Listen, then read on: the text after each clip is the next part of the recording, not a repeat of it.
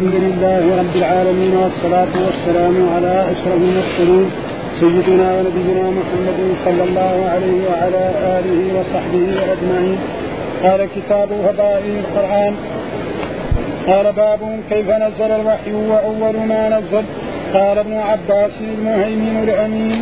القرآن أمين على كل كتاب قبله قال حدثنا عبيد الله بن موسى عن شيبان عن يحيى عن أبي سلمة قال أخبرتني عائشة وابن عباس رضي الله عنهم قال لبث النبي صلى الله عليه وسلم بمكه عشر سنين. عشر سنين ينزل عليه القرآن وبالمدينة عشر سنين. قال حدثنا موسى بن إسماعيل قال حدثنا معتمر قال سمعت أبي عن أبي عثمان قال أنبئت أن جبريل أتى النبي صلى الله عليه وسلم وعنده أم سلمة فجعل يتحدث فقال لأم سلمة من هذا؟ أو كما قال قالت هذا دحية فلما قال قالت والله ما حسبته إلا إياه. حتى سمعت خطبة النبي صلى الله عليه وسلم يخبر بخبر جبريل أو كما قال قال قال أبي قلت لأبي عثمان ممن سمعت هذا؟ قال قال من أسامة بن زيد. قال حدثنا عبد الله بن يوسف قال حدثنا الليث قال حدثنا سعيد المقبري عن أبيه عن أبي هريرة قال قال النبي صلى الله عليه وسلم ما من الأنبياء نبي إلا أعطي من الآيات ما مثله ما آمن عليه البشر. وإنما كان الذي أوتيت وحيا أوحاه الله إلي فأرجو أن أكون أكثرهم تابعا يوم القيامة. قال حدثنا عمرو بن محمد قال حدثنا يعقوب بن إبراهيم قال حدثنا أبي عن صالح بن كيسان عن ابن شهاب قال أخبرني أنس بن مالك رضي الله عنه أن الله تاب على رسوله صلى الله عليه وسلم قبل وفاته حتى توفاه أكثر ما كان الوحي. ثم توفي رسول الله صلى الله عليه وسلم بعد. قال حدثنا أبو نعيم قال حدثنا سفيان عن الأسود بن قيس قال سمعت جندبا يقول اشتكى النبي صلى الله عليه وسلم فلم يقم ليلة أو ليلتين فأتته امرأة فقالت يا محمد ما أرى شيطانك إلا قد تركت. أنزل الله عز وجل والضحى والليل إذا سجى ما ودعك ربك وما قلى باب نزل القرآن بلسان قريش والعرب قرآنا عربيا بلسان عربي مبين. قال حدثنا أبو اليمان قال أخبرنا شعيب عن الزهري واخبرني أنس بن مالك قال فأمر عثمان زيد بن ثابت وسعيد بن العاص وعبد الله بن الزبير وعبد الرحمن بن الحارث بن هشام أن ينسخوها في المصاحف وقال لهم إذا اختلفتم أنتم وزيد بن ثابت في عربية من عربية القرآن. فاكتبوها بلسان قريش فإن القرآن أنزل بلسانهم ففعلوا.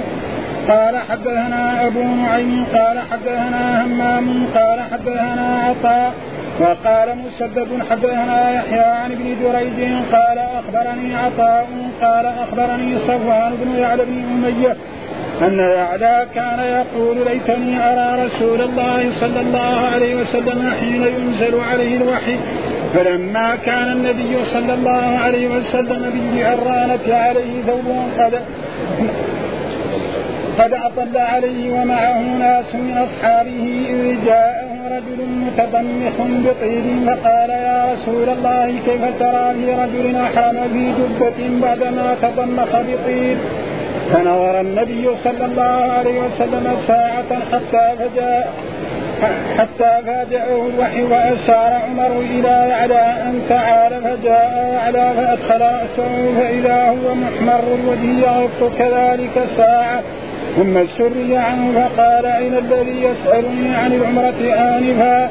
فالتمس الرجل فجيء به إلى النبي صلى الله عليه وسلم فقال أما الطيب الذي بك فاصله ثلاث مرات وأما الجبة فانزع هذا المصنع في عمرتك كما تصنع في حجك. أعوذ بالله من الشيطان الرجيم. بسم الله الرحمن الرحيم. بسم الله الرحمن الرحيم. على سيدنا محمد وعلى آله وصحبه وسلم أجمعين. بسم الله الرحمن الرحيم. كتاب الفضائل والقرآن. وفضائل جمع تكبير بمعنى فضيلة فضيلة وتنقل فضائل. كما نقول نفس فاضل.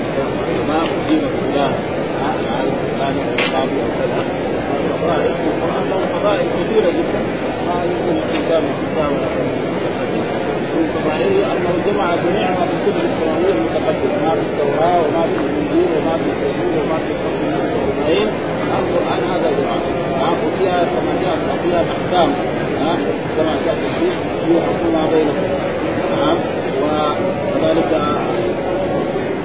قوم يعني شأن الناس الذين تقدموا قبلكم في البدع ولذلك قال فضائل القرآن. كثير من فضائل القرآن. لا تقرأ من الفضيلة وقالت الفضيلة الفضل والفضيلة خلاف النقص والنقص وذكر باب باب كيف نزول الوحي؟ وأول ما نزل. كيف كان ينزل الوحي على رسول الله صلى الله عليه وسلم؟ فجاء في أول صحيح البخاري. لما مرات يأتي الوحي بصوره إيه بصوره الجار وكان ان يأتيه لرجل كأنه رجل ويجي يكلم الرسول حديث كبير بينما كان جالس في المسجد. دخل رجل وقال السلام عليك يا محمد. ثم سأله عن الإسلام وعن الإيمان وعن الاحتساب ثم بعد ذلك سأله عن ثم قال له ما كان عن هذا وأجابه الرسول قال صدقت اجبها لو يصدق وصدق ثم قال أفضل اخبرني عن الساعة قال المسؤول عنها باعلم الدار قال اخبرني عن أمانتها قال ان تلد الامس ومتى فانزل الصفات والعماد تعالى تعالى الساعة يتفاعل وكانت الاجر سوره ذكرة الكلمة ها؟ يعني حتى يمكن حصلت أن يظنوا ذلك كيف نزول الوحي. وأول ما نزل إيش أول ما نزل؟ جاء في القرآن أول ما نزل بينما كان الرسول يلعب في غار حراء جاء جبريل وقال له اقرا فقال الرسول ما أنا بقارئ يعني أنا ما تعلمت امي آه فقال له تمم الضرب الشديد وقال له اقرا ثم ترك ثم قال له اقرا بالله قال اقرا باسم ربك الذي خلق خلق الانسان من علق اقرا وربك كان اول ما ثم بعد مده طويله بعد ذلك جاء الرسول وقال مثلا يا أيها المدثر قم فأنذر يا أيها المزمل وبعد ذلك تتابع هذا معناه ضابط كيف نزول الوحي نزول الوحي كان يأتي على أنواع. وهذا تقدم. كيف نزول الوحي؟ وكذا في رواية العسكريه وفي رواية أبي ذر كيف نزل الوحي؟ بلفظ الماضي وقال معه كيف نزول الوحي؟ بصفه كانت قلت كانه ظن من عدم وقوعه على العلوم العربيه ان لفظ النزول جمع وهو غلط والنزول لا ما هو جمع انما هو مصدر مصدر يفعل آه وانما هو مصدر من نزل ينزل نزولا والمصدر في اول الكلمة نزوله ما اول واحد وهو اقرا باسم ربك ثم بعد ذلك المدثر وكان بين نزول اول إيه في القرآن. واخر إيه 23 سنه اول ما نزل اقرا باسم ربك ثم بعد ذلك المدثر ثم بعد ذلك السوره المكيه ثم بعد ذلك الأحكام. وآخر ما نزل من الايات الاحكام يعني اليوم اكملت لكم دينكم وأتممت عليكم نعمتي ورضيت وآخر آية نزلت اتقوا يوما ترجعون فيه إلى الله ثم توفى كل نفس ما كسبت هذه آخر يعني قبل وفاة الرسول بأيام قليلة نزل قال ابن عباس وهذا تعليق. ها هذا تعليق. والتعليق ما هو؟ أن ينكر الإمام البخاري يعني بدون سند لأن الإمام البخاري ما أدرك ابن عباس. بينه وبينه يعني قريب من 20 سنة أو 50 سنة فقال ابن عباس المهيمن الأمين. ها إيش معنى المهيمن؟ ها الأمين. والمهيمن هذا يطلق على القرآن ويطلق على الرب سبحانه وتعالى. فإن من أسماء الله سبحانه وتعالى المهيمن المهيمن. هو الله الذي لا إله إلا هو الملك السلام المهيمن. فإيش معنى المهيمن؟ المهيمن معناه الأمين على القرآن. أمين على كل كتاب قبل يعني القران القران يتضمن جميع ما جاء في الكتب السماوية السابقة. كل ما جاء في الكتب السماوية يتضمنها ويبينها هذا معناه والدليل على ذلك هو أنزلنا إليك الكتاب من امس وأنزلنا إليك الكتاب مصدقا لما بين من الكتاب ومهيمنا عليه. إيش معنى مهيمنا عليه؟ يعني أمين. فسر المهيمن بالامين من أسماء الله تعالى المهيمن.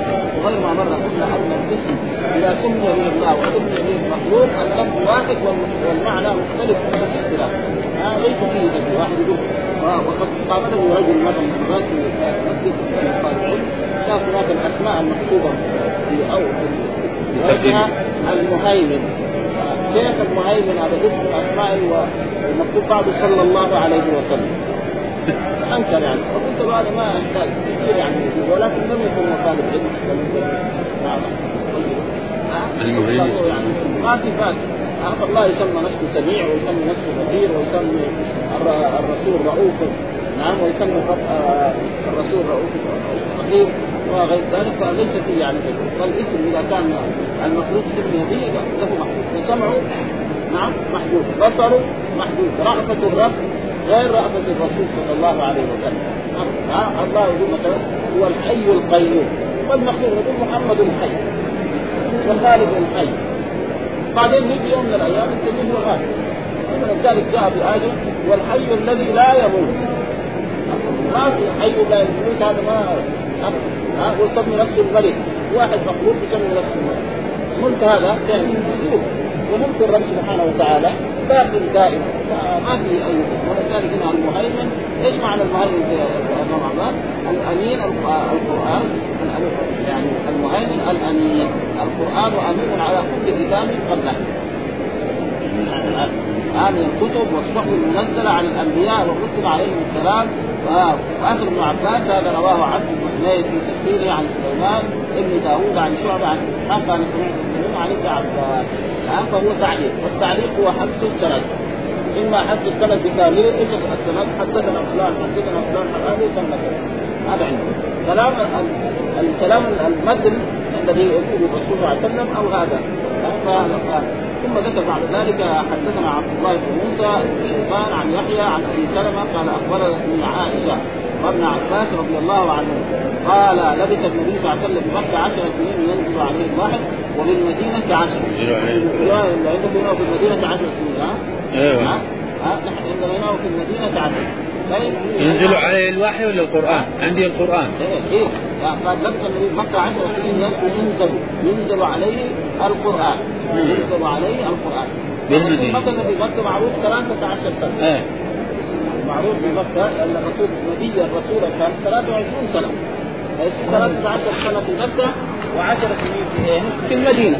يصير كم ثلاث هنا في هذا الحديث يقول أن لبس الرسول في مكة 10 سنين ينزل عليه الوحي. طيب كيف هذا؟ أجاب أجاب العلماء على ذلك أن معنى ذلك يعني أول ما كان ينزل الوحي قليل لأنه أول ما نزل اقرأ. وبين اقرأ ويا أيها المدثر مدة طويلة قريب ستة أشهر أو سبعة أشهر أو ثمانية أشهر ها؟ ثم بعد ذلك تتابع الوحي. هذا تفسير. يعني عندما تتابع الوحي بإيه؟ في العشر السنين الأخيرة. والأولانية كان إيه؟ نزول الوحي قليل لأنه أول فيها الامر بعبادة الله وبعض الأخلاق فعشر سنين. وفي بعض الروايات أما في المدينة عشر سنين ما في شيء. وفي بعض الروايات وبالمدينه عشرا. رواية كذا رواية. هنا عندكم في إيه؟ في البخاري يعني عشر سنين. هنا في هذا هذا بس عشرا عشرا معناه يعني التمييز حقه محدود. عشر سنين عشر أشهر عشر أيام. يمكن هذا كلها لكن آه الصحيح أنها عشر سنين. فيصير آه عشر سنين تتابع الوحيات. يعني المدينة كان كل يوم يمكن ينزل عليه في اليوم الواحد يمكن عليه ينزل بعد آه جبريل يجي مرتين أو ثلاثة بالوحي. ها؟ وأما في مكة كان في الأول قليل فإذا وبعضهم ذكر أن معنى ينزل على الوحي عشر سنين أن في الأول كان الذي يأتي بالوحي مثلا إسرافيل. ثم بعد ذلك صار جبريل. فالمده الذي كان جبريل ياتي بالوحي الرسول صلى الله عليه وسلم عشر سنين. والمدة الثلاث سنوات الأولى دي كان ياتي به إسرائيل. ها فيصير إيه؟ تجمعت الأحاديث وأصبح بعضها متجمع ويكون ما فيها. هذا معناه قال لبث النبي صلى الله عليه وسلم بمكه عشر سنين. ها ينزل عليه الوحي وهذا يعني تتابع الوحي. والأولى والثلاث الأوائل هذه كان ما هو تتابع الوحي. يعني ينزل مرة آية ويمكن آيتين ويقعد بعد شهر أو شهرين أو ثلاث وقد حصل ذلك حتى في المدينة. ها؟ فإن آه يعني قريش نعم قالوا إن محمد هذا نبي أو رسول. يعني نحن ما ندري عنه إنما نذهب ونسأل اليهود عنه. فاليهود أهل الكتاب وأهل العلم فسألوا فجاءوا إلى المدينة وسألوا اليهود. فقال اليهود علماء اليهود اسألوا محمد عن ثلاث أشياء.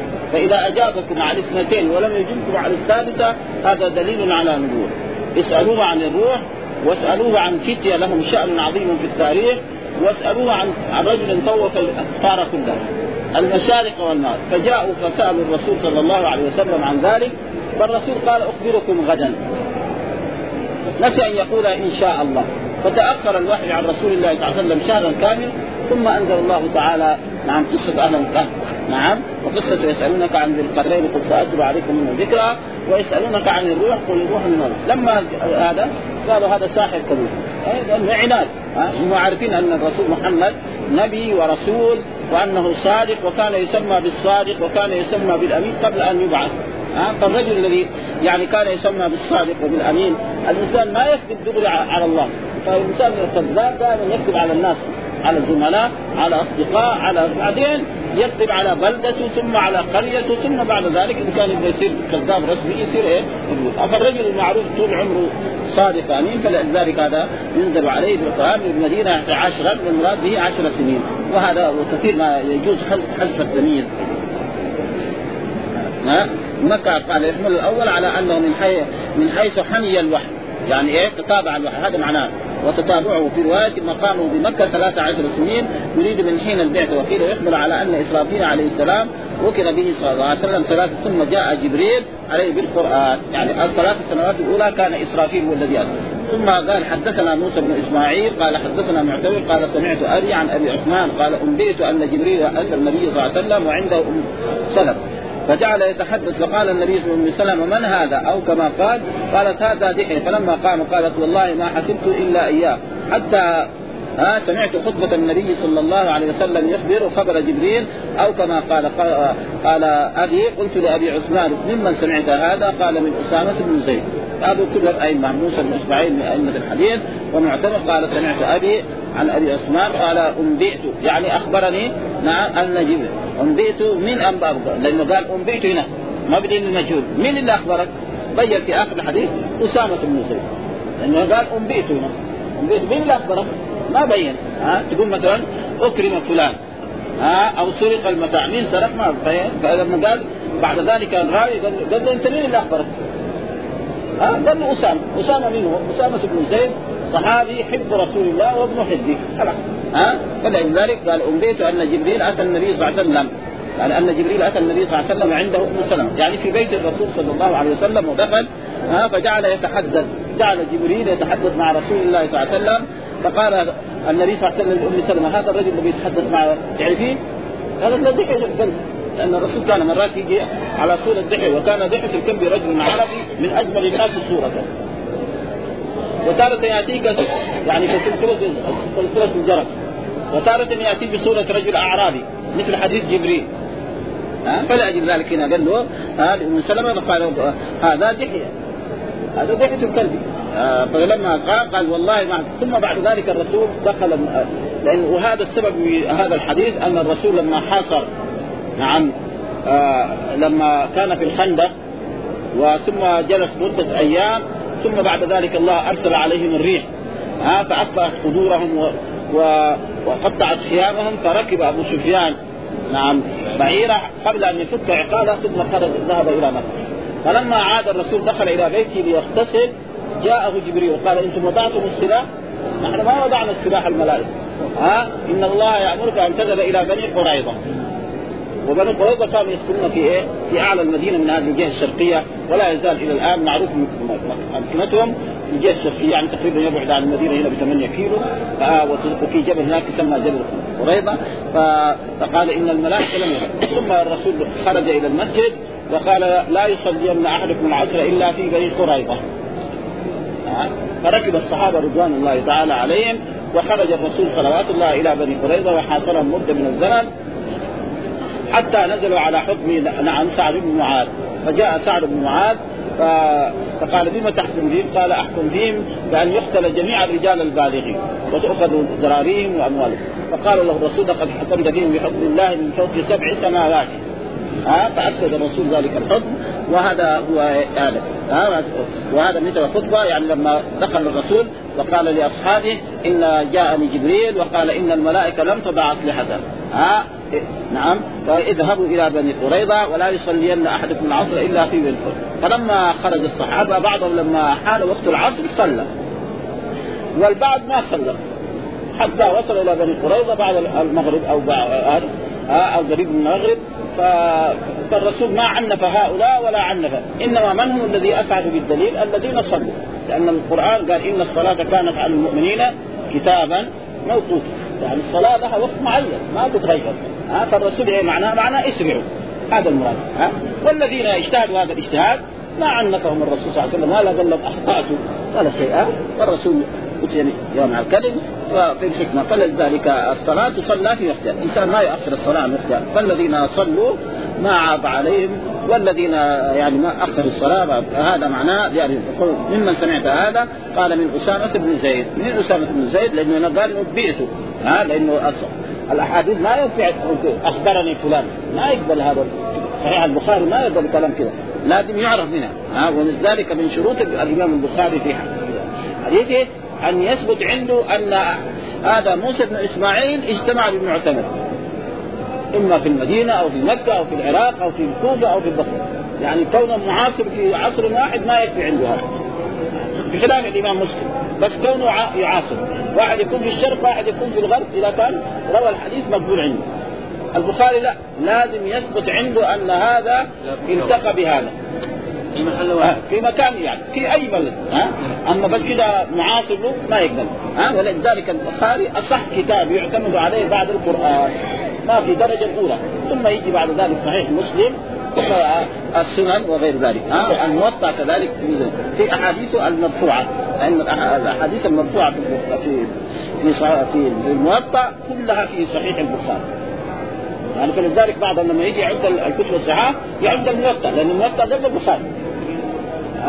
قبل البخاري لكن إنما احاديثه ما هي كثيرة مثل هذا في 2000 كثير الأحاديث الموطا يمكن الأحاديث المرفوعة يمكن تيجي 500 أو 600 حديث.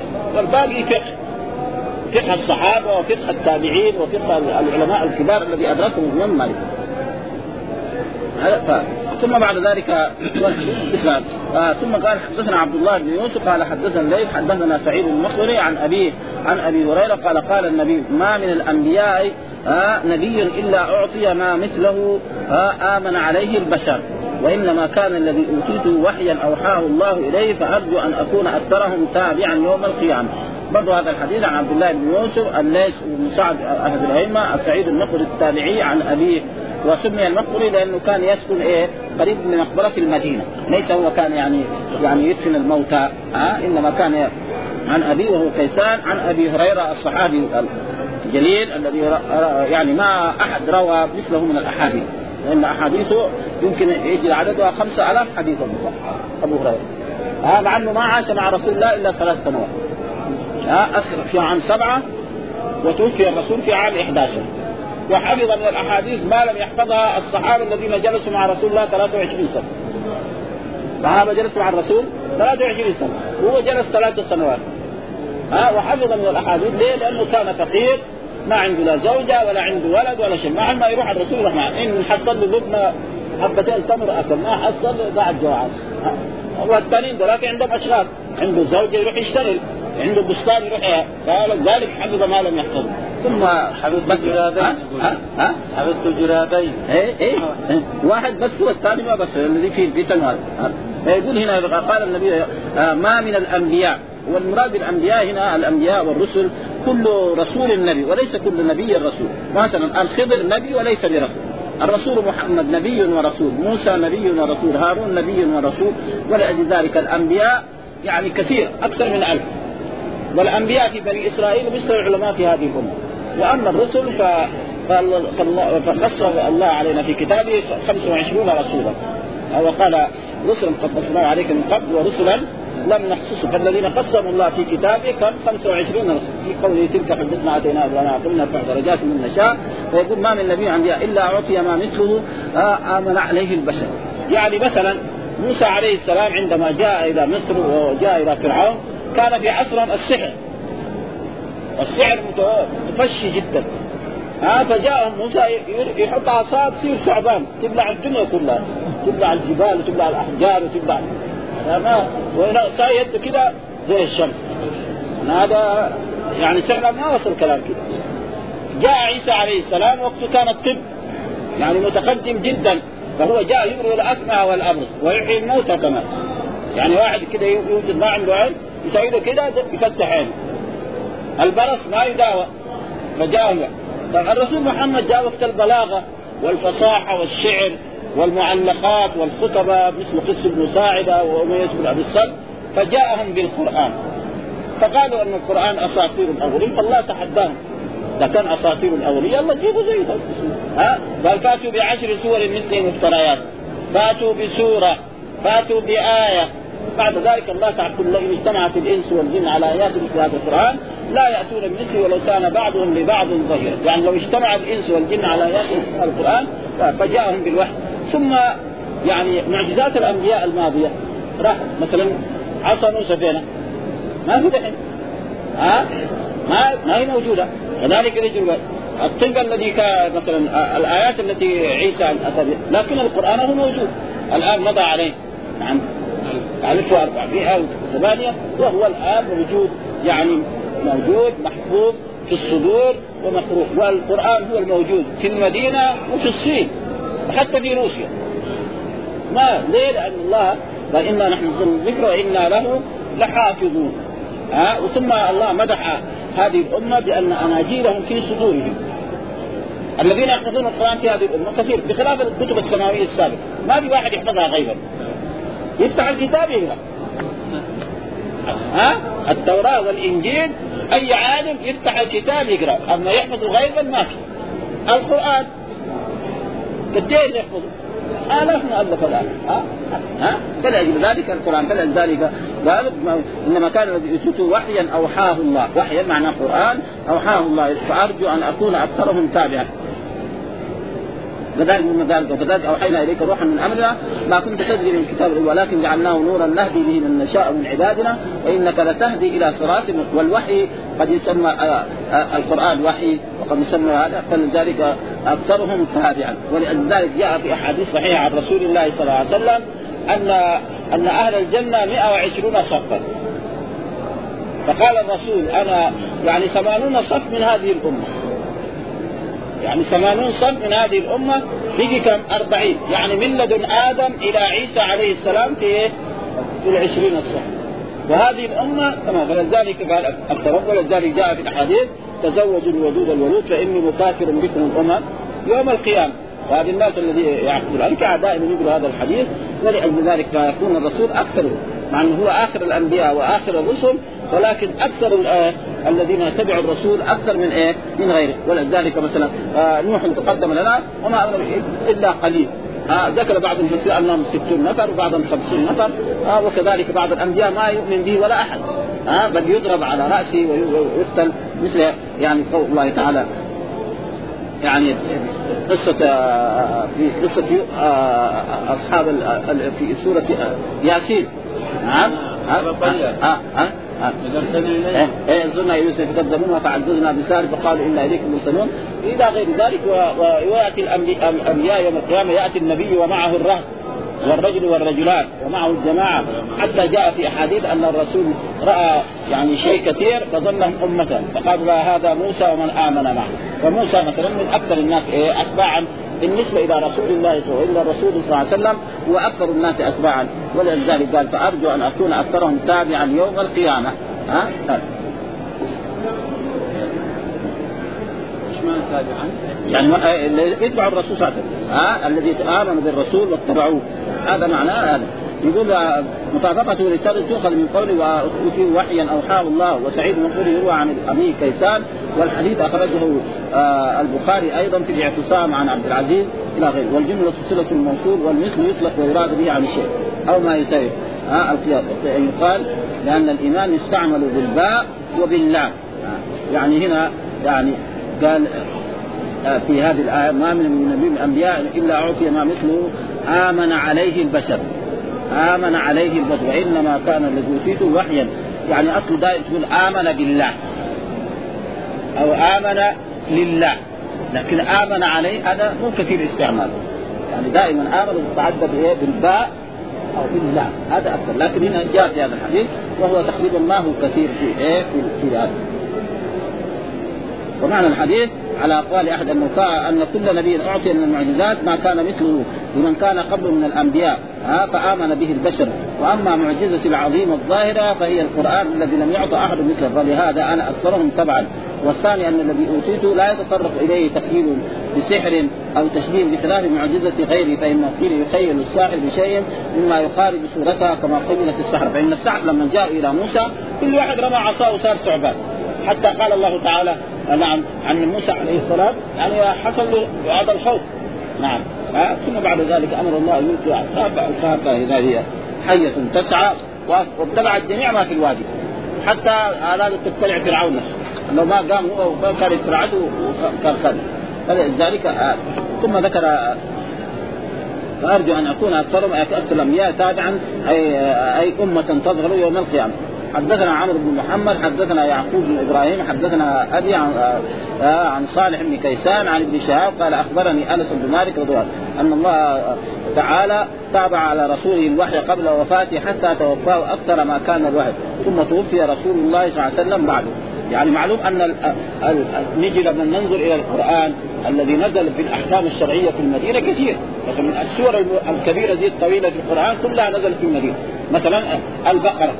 جزئين ونصف. آل عمران ها النساء المائدة ها هذه سور يعني بعد ذلك هناك يجي الأمثال آه، التوبة يجي بعد ذلك كذلك في الجزء الثامن والعشرين. من قد سمع إلين يا النبي المتحرك كل هذه سور مدنية. ها وإن كانت السور المكية أكثر.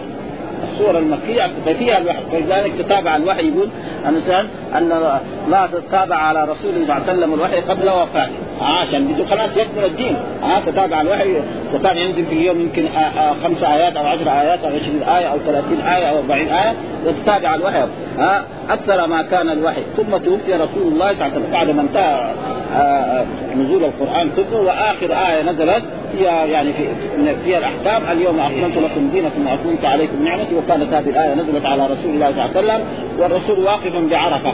ولذلك جاء يهودي إلى عبد إلى عمر بن الخطاب وقال لو هذه الآية نزلت علينا معشر اليهود لاتخذنا ذلك اليوم عيدا. فقال أنا أعرف هذا الرسول كان واقفا بعرفة ونزل وهذا كان يوم عيد. ها؟ يوم عرفة كان يوم عيد جدا عظيم. ولأجل ذلك ثم بعد توفي الرسول بعد لأن الرسول ادى مهمة.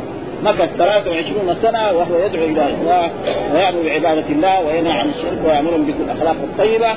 ثم بعد ذلك توفي رسول الله صلى الله عليه وسلم. بعد يعني بعد ذلك. وهذا بعد معروف في اللغة العربية أن الظرف والمكان إذا حذف المضاف إليه ونوي معناه يبنى على الظرف. ومن ذلك قول الله تعالى لله الأمر من قبل ومن بعد.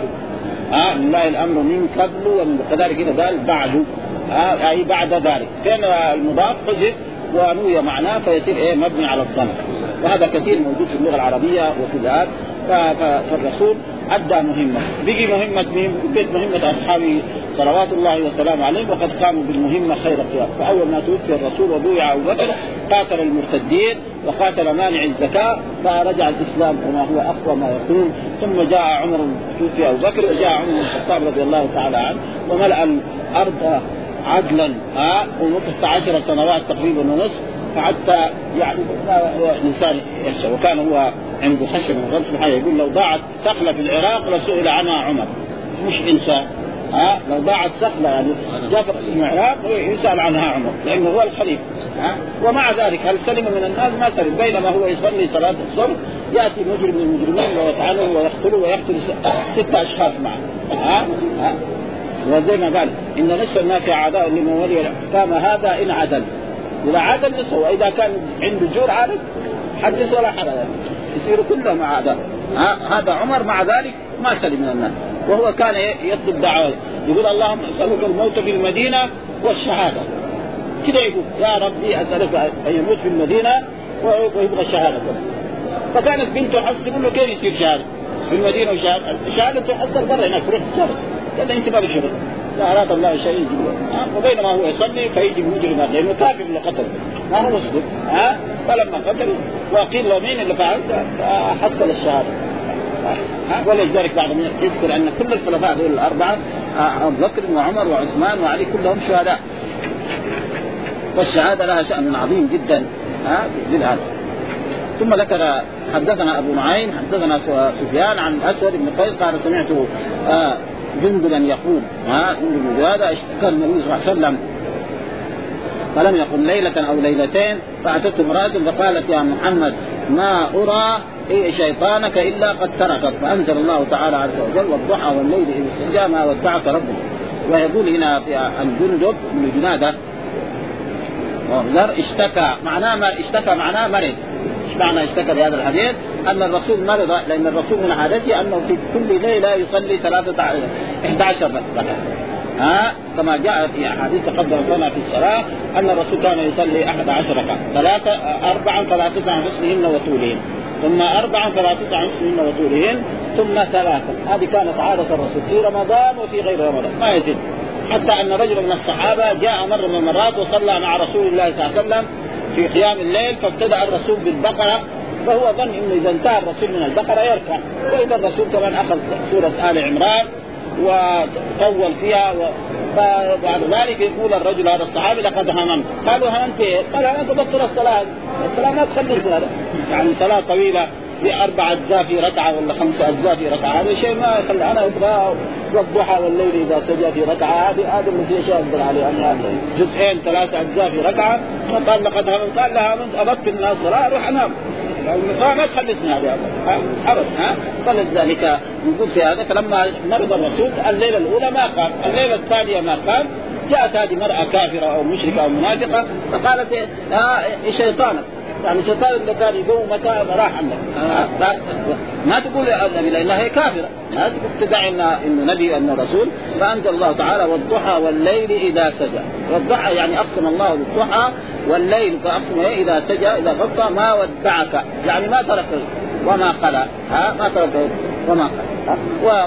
ويعني ما كره فلا معنى البغض يعني ما خلاك يعني ما ابغضك ها؟ وهنا ودعك يعني ما ترك. ها بل الوحي مستمر وكان ينزل الوحي على رسول الله صلى الله عليه وسلم. وهذا فيه دليل على أن لله أن أن يحلف بما شاء من مخلوقاته. وأما نحن لا نحلف إلا بالله أو باسم من أسمائه أو صفة من صفاته. ولا يجوز للمسلم أن يحلف بغير الله. فإذا أراد يحلف يقول والله والرحمن والحي القيوم وكتاب الله. لو قرأ قرأ حلف بكتاب الله جاء لأن القرآن صفة من صفاته. وأما بالذمة وبالأمانة وبالنبي وبالرسول وبالكعبة لا يحلف. الكعبه نستقبلها في الصلاة ولكن لا نحلف بها. ها؟ ابدا. ها؟ ما نقول وإن كان لابد نقول ورب الكعبة. أما والكعبة لا يقال ها؟ وهذا هنا. والله له أن يحلف ولذلك أقسم بالليل وأقسم بالشمس وأقسم بالضحى وأقسم بالدين وأقسم بعمر الرسول إلى غير ذلك. فهذا جائز ليس فيه أي شيء. وهذا تقدم كان في إيه؟ في كتاب النبي فإن أخرجه هناك عن أحمد بن يونس وعن سهيل بن أسد على ثم باب نزول القرآن بلسان قريش والعرب. باب باب. ها نزل باب هذا. نزل القرآن بلسان قريش والعرب. القرآن هذا الذي بين أيدينا نزل بلسان قريش. لأن قريش نعم أعظم العرب والرسول قرشي. نعم والعرب. طيب آه فقريش من العرب. فإذا العرب هذا عطف عام على الخاص العطف العام على الخاص من قال الله تعالى حافظوا على الصلاة والصلاة الوسطى. هذا من عطف الخاص على العام.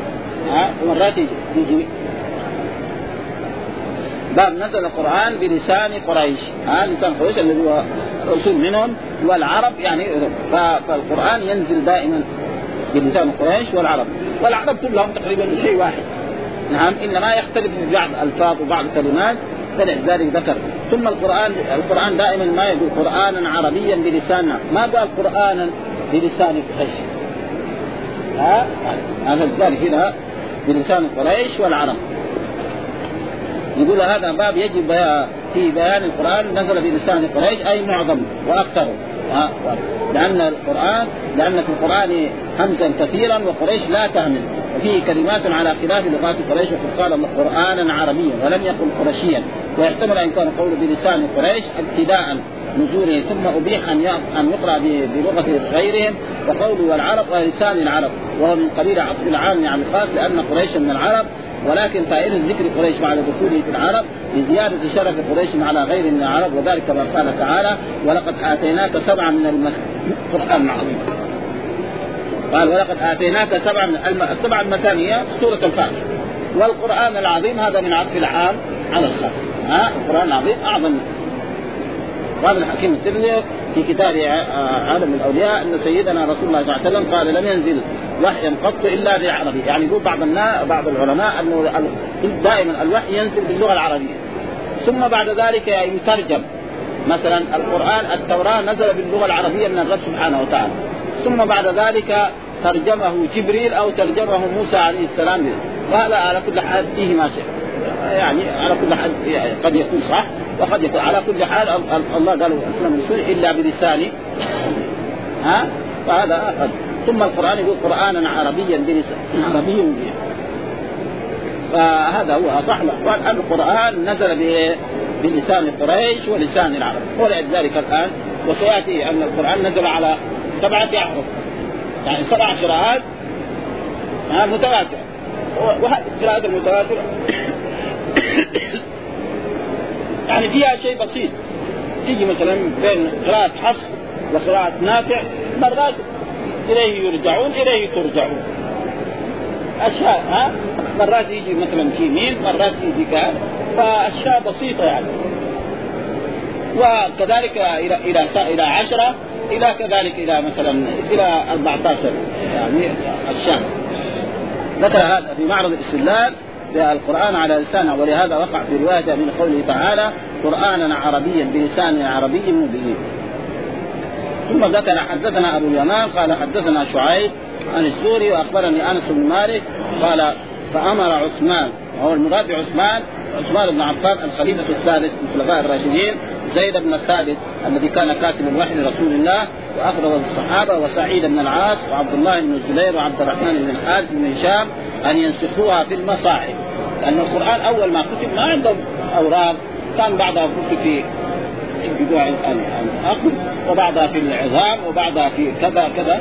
فبعد ذلك لما كثر القتل في أصحاب رسول الله صلى الله عليه وسلم في الجهاد خصوصا في بعد بعد ما توفي الرسول في قتال أهل الردة خشي عثمان أن يضيع القرآن لأنه كان محفوظ في الصدور ها فأمر بعد ذلك عثمان في خلافته أن يكتب ويجمع ويجتمع هؤلاء الكفار الثلاثة زيد بن ثابت وسعيد بن العاص وعبد الله بن الزبير وعبد الرحمن بن شام أن ينسخوها في المصاحف يعني إيه؟ يكتبوها في إيه؟ في الصحف ها؟ ليس معناه في المصاحف المصحف اللي موجود عندنا. يعني في المصاحف معناه يكتبوها في الصحائف ها؟ صفحه صحيفه وقال لهم قال لهم عثمان إذا اختلفتم أنتم وزيد بن ثابت في عربية من عربيات القرآن فاكتبوها بلسان قريش. مثلا جينا وجدنا يعني كلمة في في, في عند مثلا بني تميم أو قحطان أو غير ذلك أو أو قبائل اليمن فنكتبها قال اكتبوها بلسان قريش. فإن القرآن نزل بلسانهم ففعلوا ذلك وكتبوا القرآن ثم بعد ذلك عثمان كتب المصاحف وأخذ الأشياء الباقية وكتب أربع مصاحف ووزعها على الأخبار يعني في المدينة هنا في مكة هذا بعد ذلك في كتابته وفي في العراق وفي مصر وفي اليمن ثم أمر عشان لا يختلف القرآن ويصير إيه؟ كالتوراة والإنجيل. ولذلك القرآن قال الله تعالى انا نحن كنا الذكر وأنا له لحافظون. ما استطاع أحد من الكفار ولا من المشركين أن يعني يغير في القرآن شيء. يقولوا أن بعض الناس في أفريقيا لما جاء المستعمر الإنجليزي أو الأمريكي في في, في أفريقيا يعني أخذ المصاحف من بعض لأنه هناك يكتبوا مصاحف بأيديهم. اذا خرج من هنا البحر الأحمر كلهم يكتبوا مصاحف ولا يزال إلى الآن يكتبوا مصاحف ولا يشتروه مع أنه كتابة المصحف. يعني يشتري مصحف ب 5 ريال المملكه العربيه السعوديه هذا ها يكتب بيده. ثم يقول أخذه المستعمر وكتب مثلا محمد رسول الله صلى الله عليه وسلم والذين معه أشداء على الكفار. فلما ردوها المصاحف ثاني مرة لأصحابها شافوا هذا صلى الله عليه وسلم ما في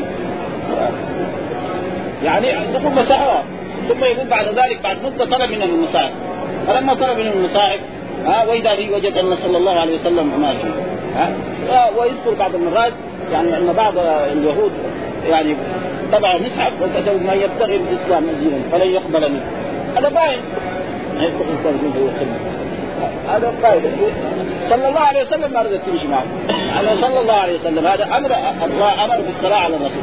لكن كونها تكتب في المصحف لا. ها؟ هذا ما ها؟ ما مشي عنه ولذلك قال فاكتبوها بلسان ليس إن القرآن أنزل بلسان ففعلوا. فاخبرني ذا أن ينسخوها أي الصور والآيات التي أحضرت من بيت حفص وفي روايه أن ينسخوها في المصاحف ان ينقل الذي فيها إلى المصاحف الأخرى والأول هو المعتمد لأنه كان في آه لأن آه لأنه كان في صحف لا في مصاحف آه في صحف يعني مكتوبه اما في العذاب أو في وقد ذكر ابن شهاب قد اختلفوا يومئذ في التابوت فقال زيد بن ثابت إنه التابوه ها التابوه بالهاء وقال بعض فلما نظر إلى هذا ولذلك مكتوب هذا القرآن التابوت بالتاء المفتوحة ها وفي أشياء كثيرة حتى يعني وكتب المصحف على طريقة ما كتبه عثمان. إلى اليوم ولذلك نقرأ الحين في المصاحف نجد مرات امرأة مكتوب بالتاء المفتوحة مع إنه حجه الوداع في العام العاشر من هجرته أما كان الجعران وعليه ثوب قد اظل يعني ستر عليه. ومعه ناس من أصحابه إذ جاءه رجل متضمخ بطيب. إيش معنى متضمخ؟ يعني يعني أخذ الطيب ونضخ جسمه وثيابه. ومعلوم أن المحرم لازم ما يتخيل ها بعد الإحرام. أما قبل الإحرام فله أن يتخيل ها فنظر النبي صلى الله عليه وسلم ساعة فجاءه الوحي يعني جاءه جبريل الوحي فأشار عمر إلى يعلى أن تعالى ها تعال ها فجاء يعلى فادخل رأسه فإذا هو محمر الوجه يعني الرسول محمر وجهه يغط يغط معناه زي الصوت الذي يخرج من النائم عندما بعض الناس لما ينام تسمع له شخير وبعض الناس ما وبعض الناس إذا كان جلس نام على ظهره ثم بعد ذلك ثم سري عنه يعني زال عن إيه؟ هذا الخطيب فقال أين الذي يسألني عن العمرة؟ سأل الرسول أين الذي يسألني عن العمرة؟ فالتمس الرجل لما ما أجابه الرسول كان انصرف أو ذهب لغرض من وراء فجاء به إلى النبي قال أما الطيب الذي بك فاغسله ثلاثا الطيب الذي بك أغسله ثلاث مرات حتى يزول ولا يبقى له أثر. ها؟ وأما الجبة فانزعها. أما الجبة فانزعها. ثم افعل في عمرتك كما تفعل فيها ومعنى ذلك أن أعمال العمرة مو زي اعمال الحج. أن أعمال العمرة هي طواف وسعي وحلق أو تقصير. أما أعمال الحج ها ففيها إيه؟ فيها اولا الإحرام ثم بعد طواف طواف القدوم أو طواف الحج. ثم بعد ذلك السعي ثم الوقوف بعرفة ثم المبيت مزدلفة ثم رمي الجمار ثم بعد ذلك الحلق والتقصير ثم طواف الإفاضة. فمعنى افعل الأشياء التي لها علاقة بالعمره ولذلك اركان العمرة كم ثلاث الإحرام الطواف السعي. الحج لا أركانه أربعة. الإحرام الطواف مع الإحرام الطواف السعي الوقوف بعرفة. فلذلك فمعنى اسمع في عمرتك كما تسمع في حجك معناته الاشياء التي معروفة في العمره وهي الطواف والسعي والحلق أو التقصير وأما أعمال الحج فإنها أكثر ولذلك والعمرة وهذا الحديث يعني يعني في ذكر البخاري في الحج هناك وهذا الحديث يعني كثير من الآن بعض طلبة العلم. لو جاء إنسان من طلبة يعني رجل عالم من طلاب العلم وقد تلطخ بالطيب ولبس الجبة. ماذا يقولون العلماء؟ يقولوا لا عليك فدية. يصوم ما ها؟ ليه؟ لأنه تسهيل لأن الجاهل يعذر. الجاهل بالأحكام الشرعية يعذر. وإلا الآن لو جاء لأي طالب من طلبة العلم مشايخ رجل تلطخ بالطين ولبس جبه ها آه يقولوا لا انزع أو لبس فنيله أو لبس ثياب زي هذه يقولوا انزعها وعليك الفداء لأنه معنى الرجل ما يلبس إلا ازار ورداء فالرسول ما أوجب عليه.